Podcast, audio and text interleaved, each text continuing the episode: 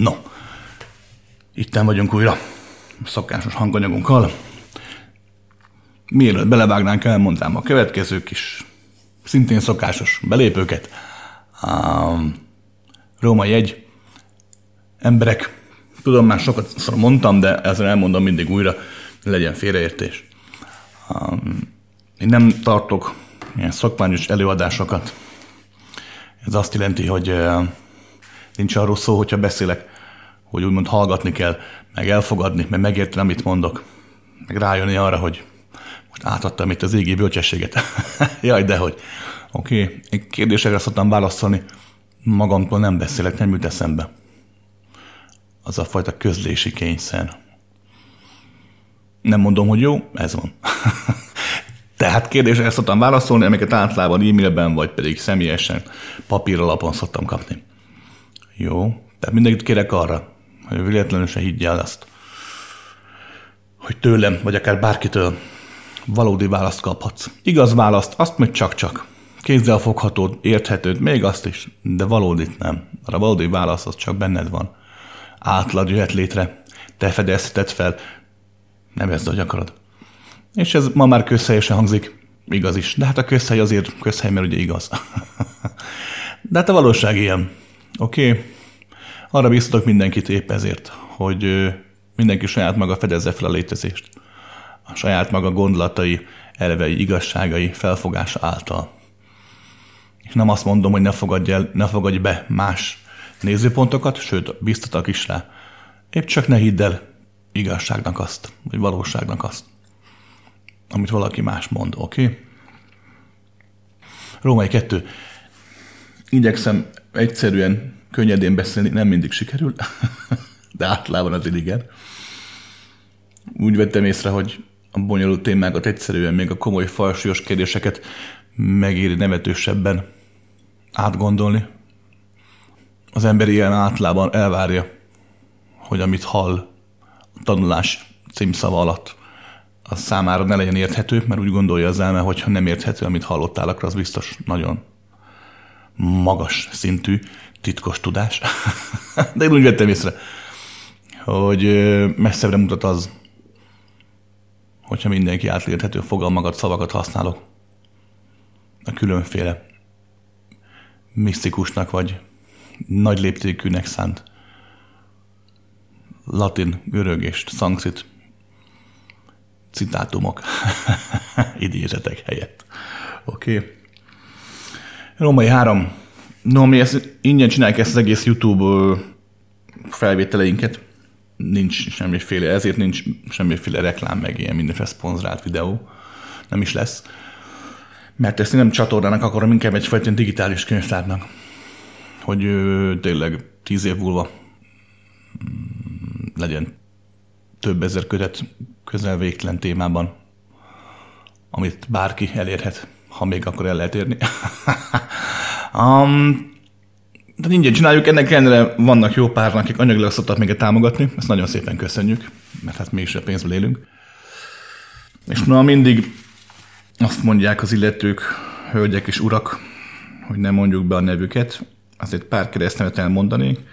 Úgyhogy nagyon szépen köszönjük Szilviának, Melindának, Paulnak, Andrásnak, Zsuzsannának, Gábornak és Noéminek, hogy eh, nem csak a pénzükkel, de a figyelmükkel és a bizalmukkal is támogatnak mindannyiunkat, hogy mind itt lehessünk, és okolhassunk egymástól. Ugyanis mindig elmondom, csak legtöbb ember nem akarja elhinni, de tényleg így van. Azért, mert én beszélek, te pedig úgy ott hallgatsz a túloldalt, attól még én is nagyon sokat tanulok tőled. Hát hogy a francban nem. No, nézzük a kérdést. Szia, Krisztián! Azokkal a kérdésekkel, amiket felteszünk, meg is teremtjük a korlátainkat? Ha minden egyes elképzelhető és elképzelhetetlen dolog Isten, és ha csak szerényen azonosítom magam vele, akkor a többi ember micsoda? Az NPC-ken kívül. Majd ezt elmondom, mit az NPC, aki nem tudná. Ha egy vagyok a többi emberrel, akkor ki, kicsoda? Te én vagyok? Mondjuk mindenki ugyanaz az egy, különböző felfogási képességekkel, más határokkal? Most mi lesz velem? Józom a föld és az ég között a végtelenségig, amíg el nem fáradok?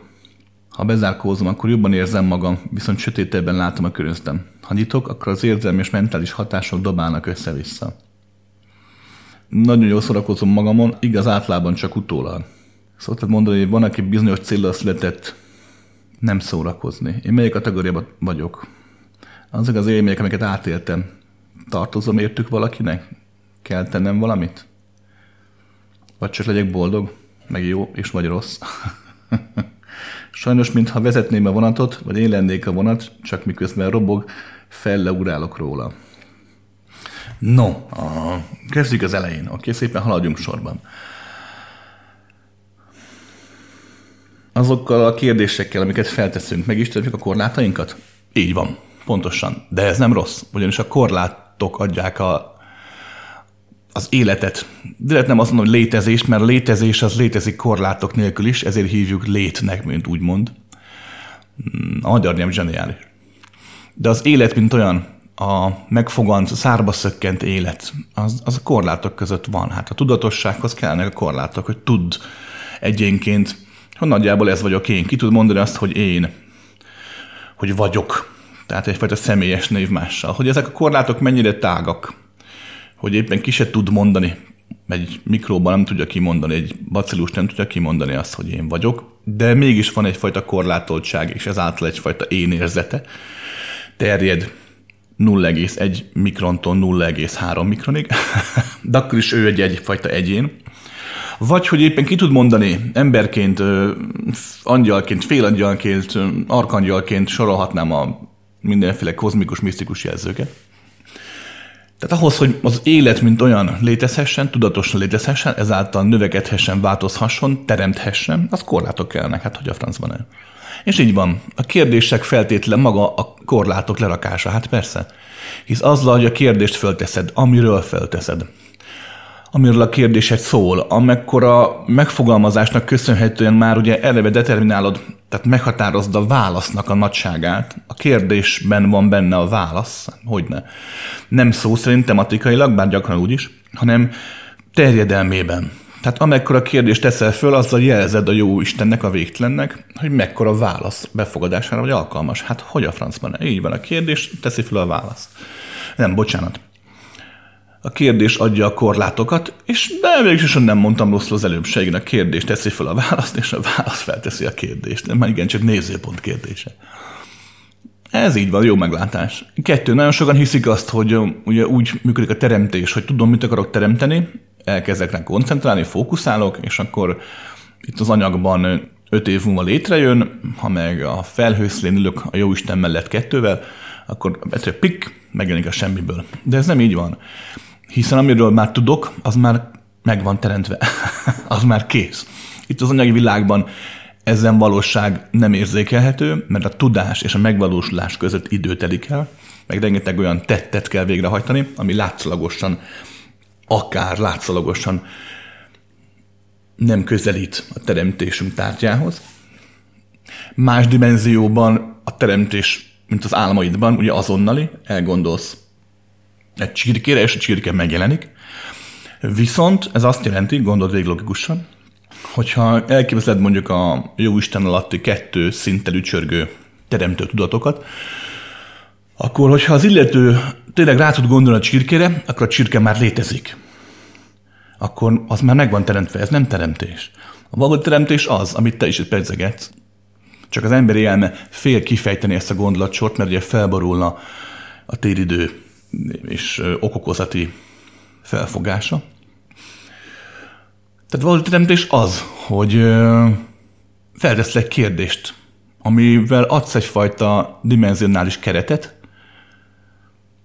de nem töltött ki, mire nem tudod kitölteni, hanem a kérdésed átrezeg a mindenségen, és a dimenzionális keretek közül megindul a teremtődésnek a folyamata. Hát hogy a fenében -e?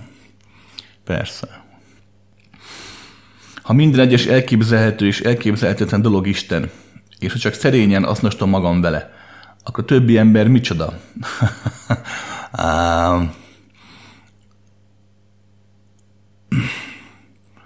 úgy, hogy az emberek az Isten fogalmát használják, úgy nem minden elképzelhető és elképzelhetetlen Isten.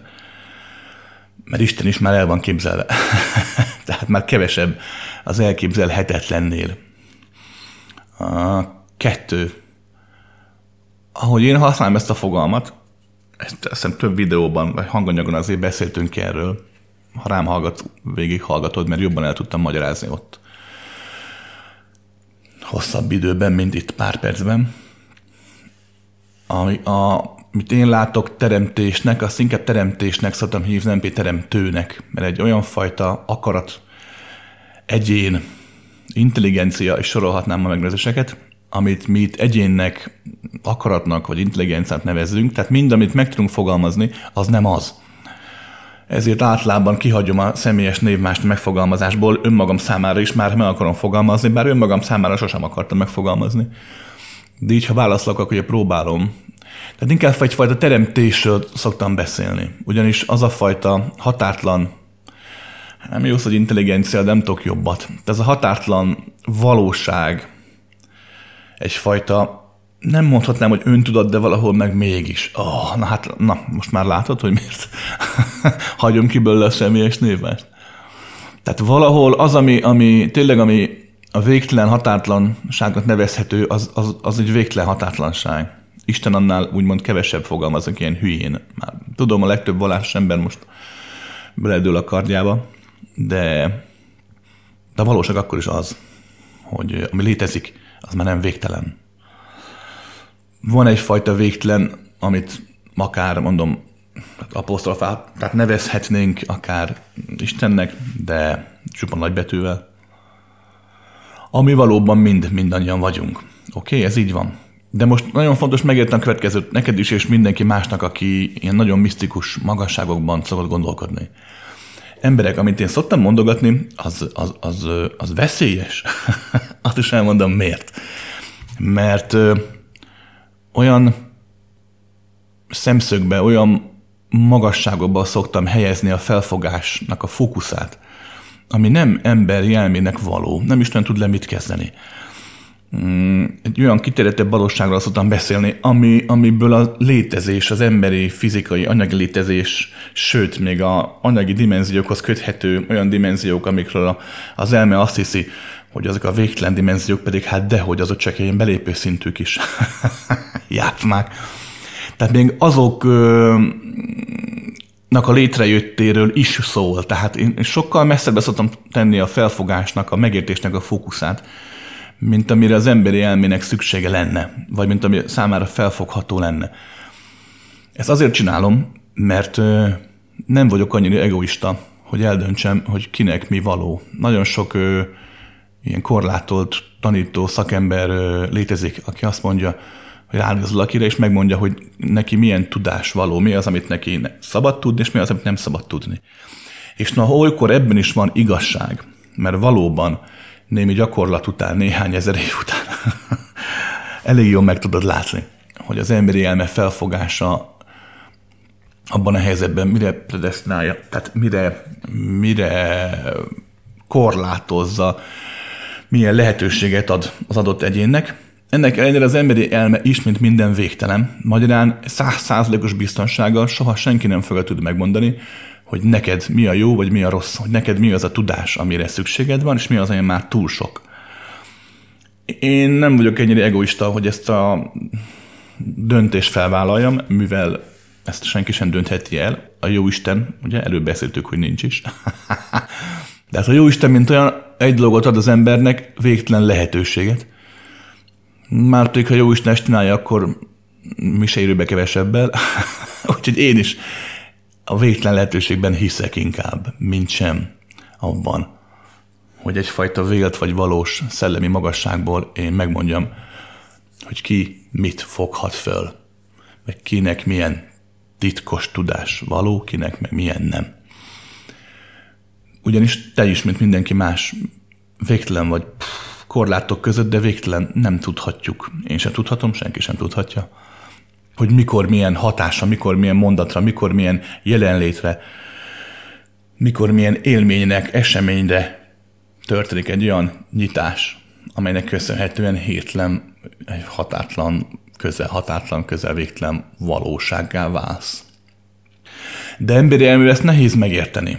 Tehát igenis emberi elmével fontos az, hogy, hogy tudd, hogy ami itt igazság, az ott már úgymond már nem, és ami meg más dimenzióban valóság, igazság, az meg itt már nem.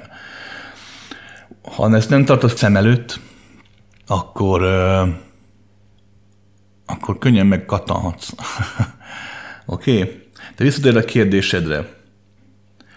Ugye, ha minden egyes elképzelhető és elképzelhetetlen Isten, és ha csak szemlényen azonosítom magam vele, akkor többi ember micsoda? Tehát egyrésztről a végtelen valóság szemszögéből valóban minden és mindenki, a létezés nem létező is egy végtelen. Maga a végtelen. De ebből a szemszögből nézve, innen az emberi létezésből, sőt, egyéb más dimenziók létezéséből is nézve, mindenki más és más. Tehát mindenkinek van egy önálló egyéni létezése is. Nem véletlen, hogy nem vagyunk egy testben. Ugye? Hogy külön vagyunk egymástól, hogy külön felfogó képességre rendelkezünk, ezáltal még a hasonló, mi több, még az ugyanazt is máshogyan fogjuk föl, hát így teremti a végtelen önmagát. Az ugyanazt máshogy felfogásával. Ezt, ezt az elvet vetíts ki több dimenzió, rá fogsz jönni arra, hogy a teremtés voltak épp ez. Nem véletlen, hogy mindenki más kérdéseket tesz föl. Más felfogásnak köszönhetően így jön létre a végtelen teremtésnek a végtelen folyamata. Hát hogy nem?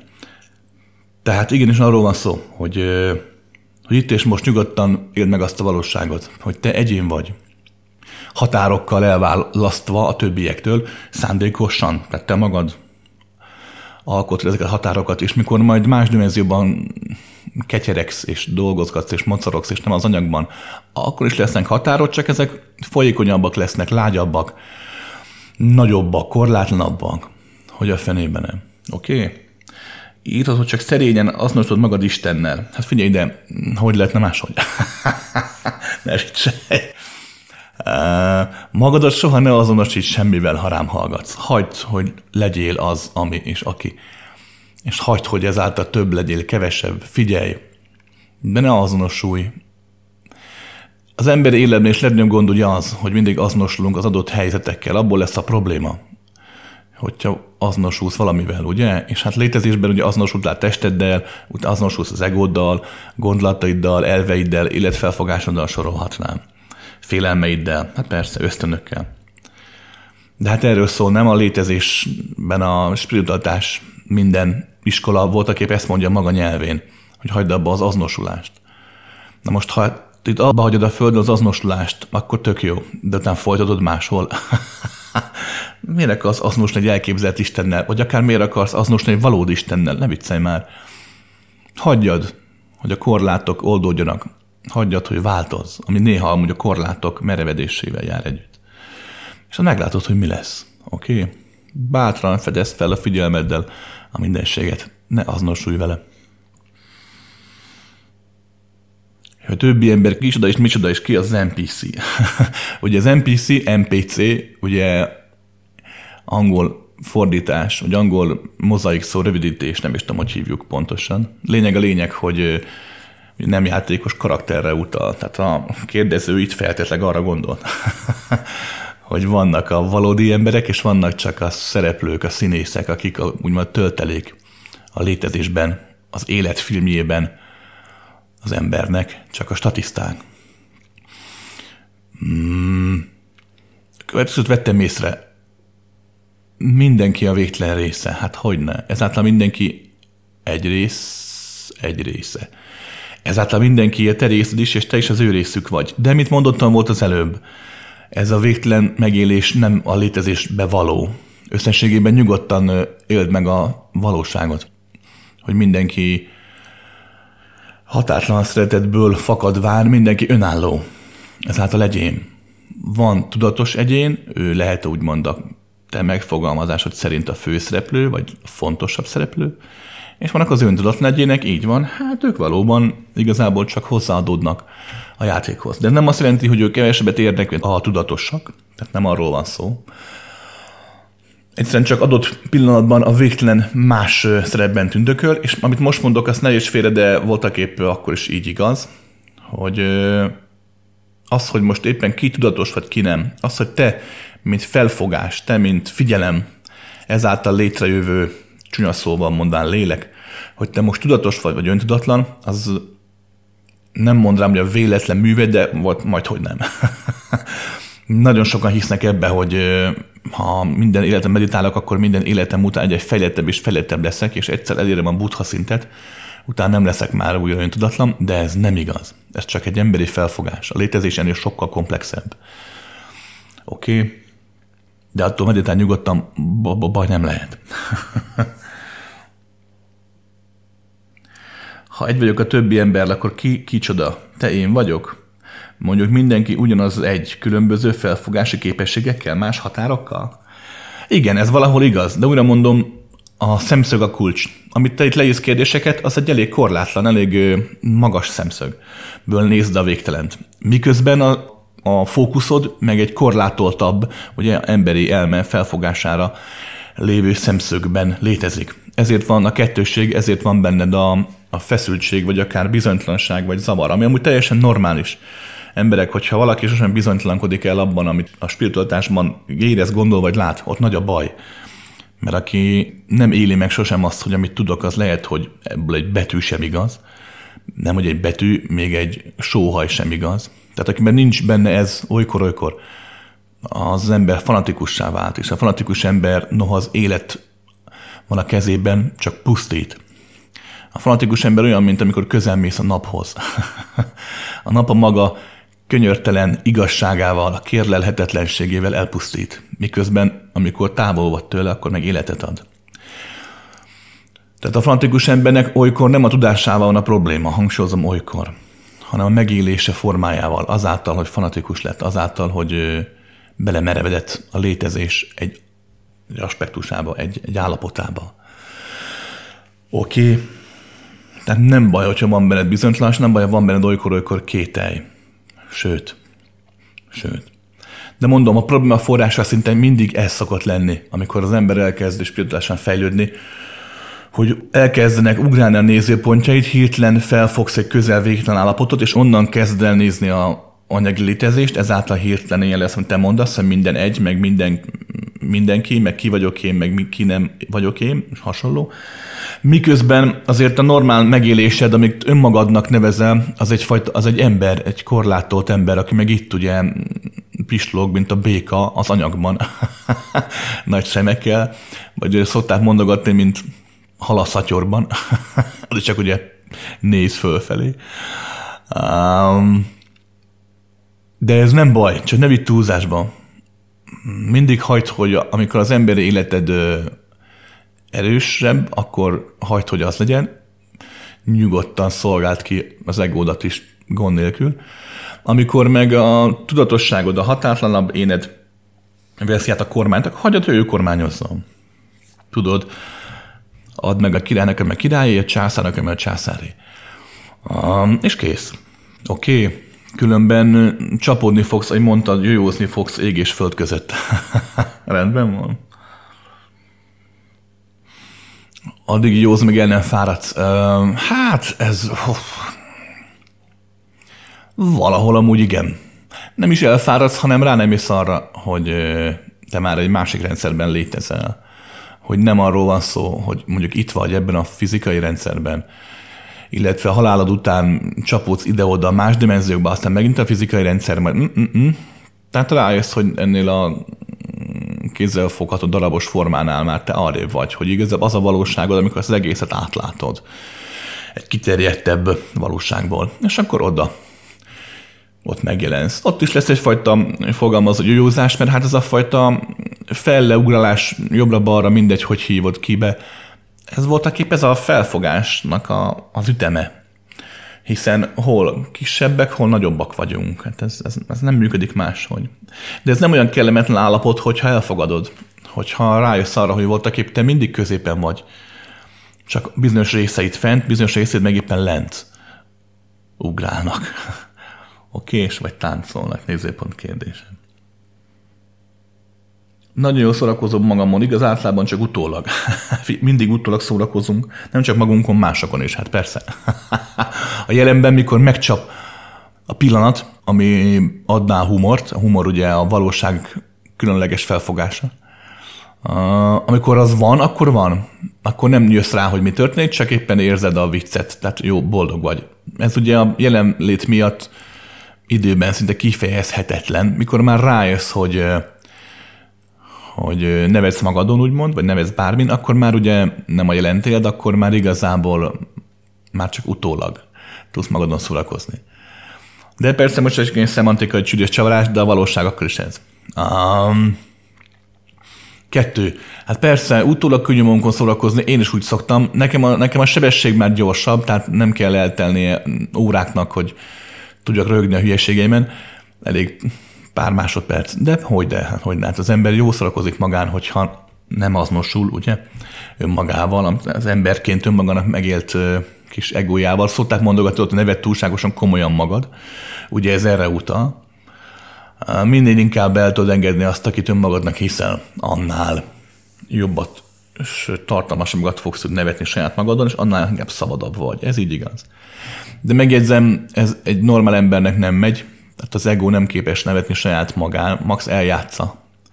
Max el tud fásulni, de magán nem tud nevetni az emberi elme, mert arra van kondicionálva, hogy komolyan vegye saját magát, hogy életben tartson.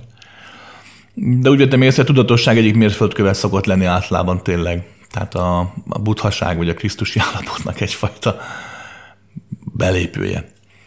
Hogy azt, akit önmagadnak hisz a világ, mert te már nem hiszed önmagadnak azt a formát, akit a világ téged valódinak hisz.